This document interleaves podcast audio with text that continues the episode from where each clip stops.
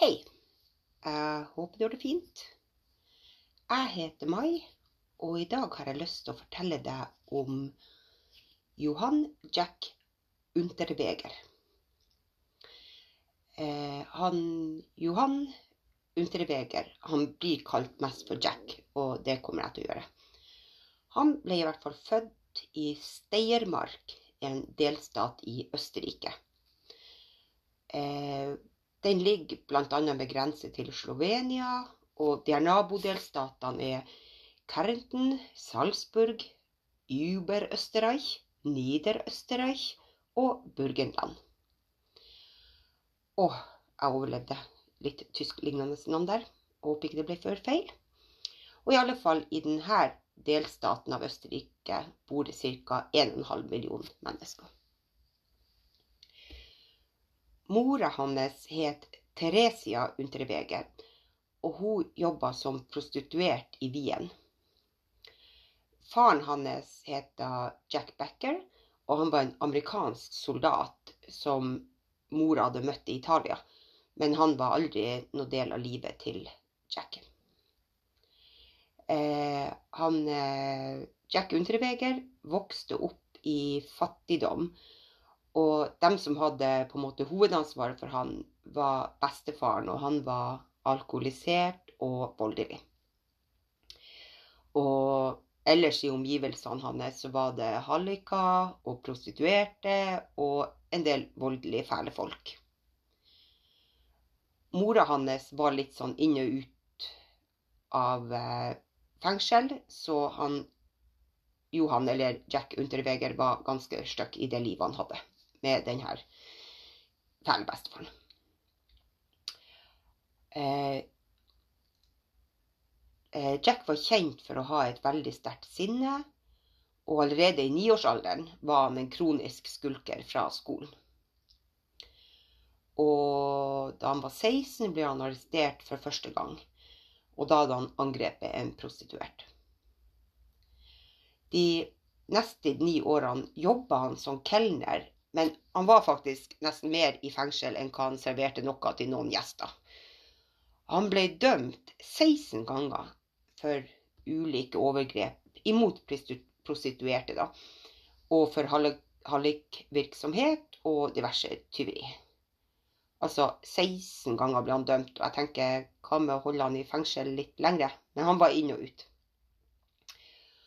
Og de burde kanskje holdt han inne en stund, for i 1974, han hadde vært ute av fengsel da en kort stund, ble han drapsmann. Han slo ned ei 18 år gammel eh, jente, Margaret Schäfer. Hun var ei tysk ung jente da. Og han hadde først slått henne holdt i hjel med et stålrør, før han kvelte henne med hennes egen bh. Og i rettssaken sa han bl.a. at eh, jeg så for meg mora mi, og det var hun jeg drepte. Eh, og for dette drapet så fikk han faktisk livstid i fengsel.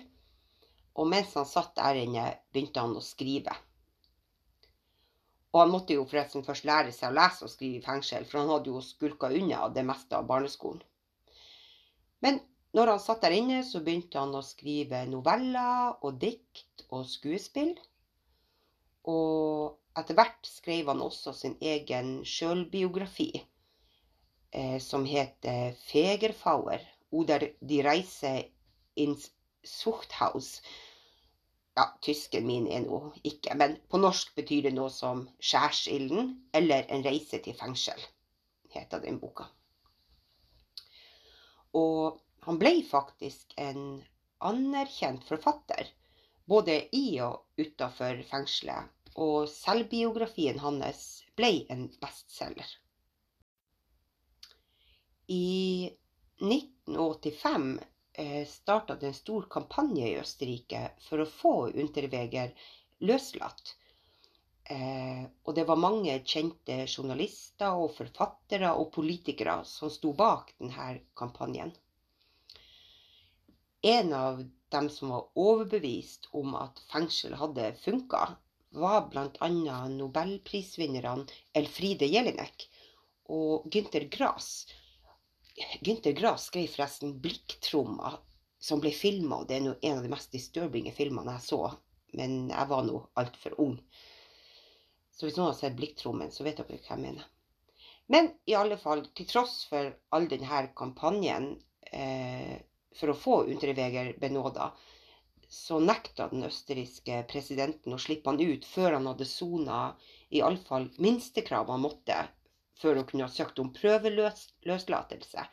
For ofte er det jo sånn du blir dømt til livstid, men så må du sone et visst antall år, og da kan du søke om prøveløslatelse. Og i Unterwegers tilfelle så var det 15 år. Og han sona 15 år før han da ble løslatt. Og 23. mai 1990 ble han sluppet ut. Og jeg tror mange etter hvert skal angre på akkurat det. Her skulle jeg hatt litt sånn dramatisk musikk. Du, du, du, du. For fæl fyr. Etter at han ble eh, løslatt, så ble han en slags litterær kjendis. Og han poppa opp i diverse talkshow og reiste rundt og holdt foredrag. Denne selvbiografien hans ble faktisk en del av skolepensum i Østerrike. Og de barnebøkene og litt skuespillene han hadde skrevet, ble høytopplesning i østerriksk radio. Og det kom jeg til å tenke på de der barnetime i radioen. Og så satt man faktisk foran radioen og hørte på Barnetimen. Og jeg husker bl.a. et program som heter Hei. Ja, nå følte jeg meg jo som en 86-åring som satt i barndommen og skrudde på radio. Men anyway. Han der Unterweger var også sjøl vert for et TV-program som diskuterte det her med rehabilitering i fengsel. For han var jo da posterboyen for det her. Og han begynte som journalist for den statlige, statlige TV-kanalen ORF, sånn som NRK. Så ORF er østerriksk NRK. Og da hadde han faktisk nyhetsinnslag om drap som han seinere ble funnet skyldig i sjøl. For det kommer jo flere drap. Men Foreløpig var han et stort forbilde for at rehabilitering fungerte, og han flotta seg rundt i cocktailselskaper med fancy designerklær. Jeg har aldri skjønt helt det her med cocktailselskap. Altså stå der med glass i den ene hånda og sånn bitte små matbit i den andre hånda, og så står du der og ser flott ut. Jeg syns det er mye bedre å kunne slenge seg i en sofa. Men i alle fall, der for han rundt og var kongen på haugen. Og i juni 91 fikk Jack Unterweger en mulighet til å reise til USA. For han fikk jobb som journalist i et østerriksk blad for å skrive om kriminalitet i Los Angeles.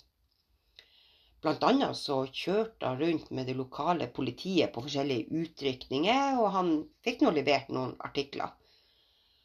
Og han fordypa seg mest i prostitusjon i Los Angeles, og det har vi jo skjønt er temaet han hadde interesse av. Hans første offer i USA var 35 år gamle Shannon Exley, som ble funnet 20.6. Eh, Nå sa jeg jo at det var juni 91 han kom dit. Altså det var rett etter han hadde ankommet Los Angeles. Eh, virker jo som han ikke rakk å pakke ut kofferten og sjekke inn på hotellet engang. Og ti dager seinere, i samme område, ble 33 år gamle Irene Rodriguez funnet. Og 10. juli ble 26 år gamle Peggy Booth funnet død i Malibu. Og at det var en Jack jeg vil heve, heve over enhver tvil når jeg kan fortelle deg at ja, de var alle tre prostituert. Ja, de var alle tre hjult kraftig opp. Og ja, de var alle kvalt med sine egne bh. Det som eh, eh Unterweger holdt på med, kalles MO, eh, fra latinsk modus operandi.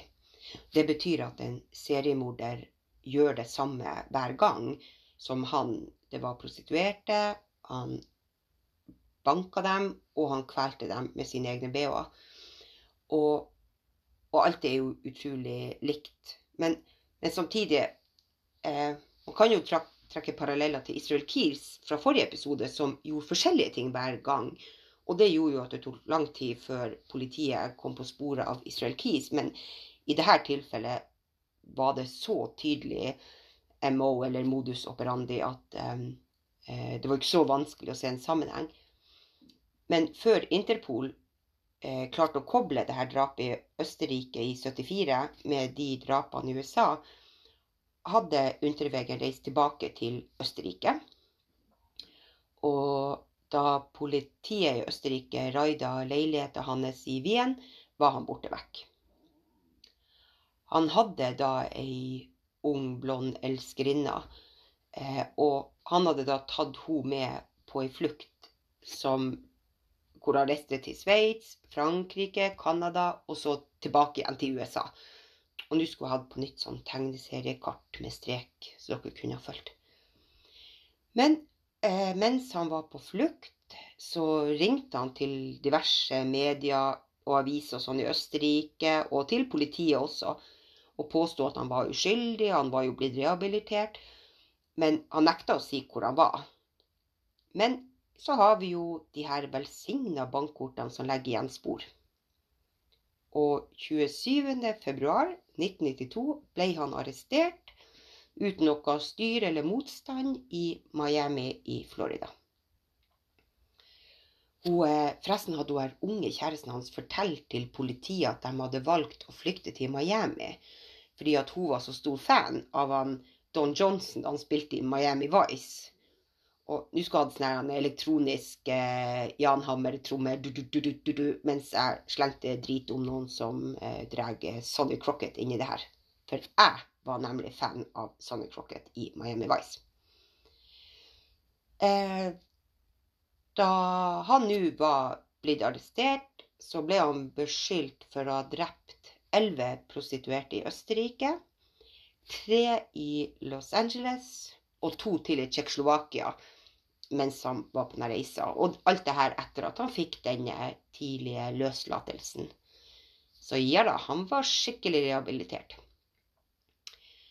Tsjekkoslovakia var egentlig ikke så interessert i å overta denne rettssaken, så de krevde han ikke utlevert.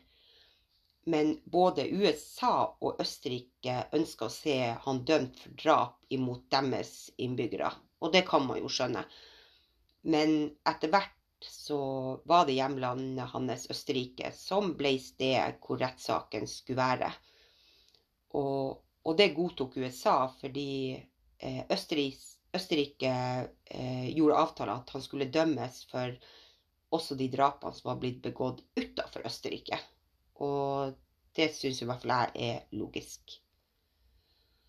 Og han ble da utlevert og med i pakkenellikene da han ble flytta fra Miami til Gras, var også alle bevisene som politiet i Miami hadde. I august 1992 skulle rettssaken starte, men diverse rettslige krumspring og sånn gjorde at saken ble utsatt i nesten to år. Så det var ikke før 20. april i 94 at saken omsider ble satt. Eller retten ble satt. Og under hele rettssaken, den varte i ca. to måneder, så framsto Unterweger som veldig rolig. Han fastholdt at han var uskyldig. Og han benytta nå enhver anledning til å smile og være sjarmerende mot kamera. Men de her bevisene mot han var jo veldig tydelige og hopa seg opp. Og ja, det var faktisk en bombetrussel mot rettsbygningene når juryen satt og skulle avgjøre det her. Men selv eh, om de ble forstyrra av det, så ble han om ettermiddagen 28. juni dømt for ni mord. Så to hadde de ikke nok beviser for, men ni mord ble han, eh, ble han dømt for. Og han fikk da livstid i fengsel. Og ble sendt eh, fra rettssalen uten oddikkedaria og rett i fengsel for å starte å sone livstidsdommen, som nå denne gangen definitivt ville vært livstid. Men han eh, Jack eh, Unterweger klarte å unngå det. Den første natta av livstidsdommen ble han funnet i cella si i firetida om natta, og da hadde han hengt seg. Han hadde brukt eh, snorer i joggebuksa og ei gardinstang. Og det var hans utvei istedenfor eh, samfunnet sin rettslige straff. Og det ble funnet flere sånn opptakskassetter på cella hans, men innholdet i de kassettene har aldri blitt offentliggjort. Så det var eh, Johan Jack Unterweger. Jeg er altså jeg er 100 for fengsel som rehabilitering og ikke bare straff. Og jeg tror oppriktig at folk kan bli bedre mennesker eh, hvis man har ordentlige soningsforhold. Men eh, noen, som han eh, Johan Unterweger, var vel aldri noe annet enn et fælt menneske. Eh, ta vare på deg sjøl. Men eh, husk at fæle folk fins.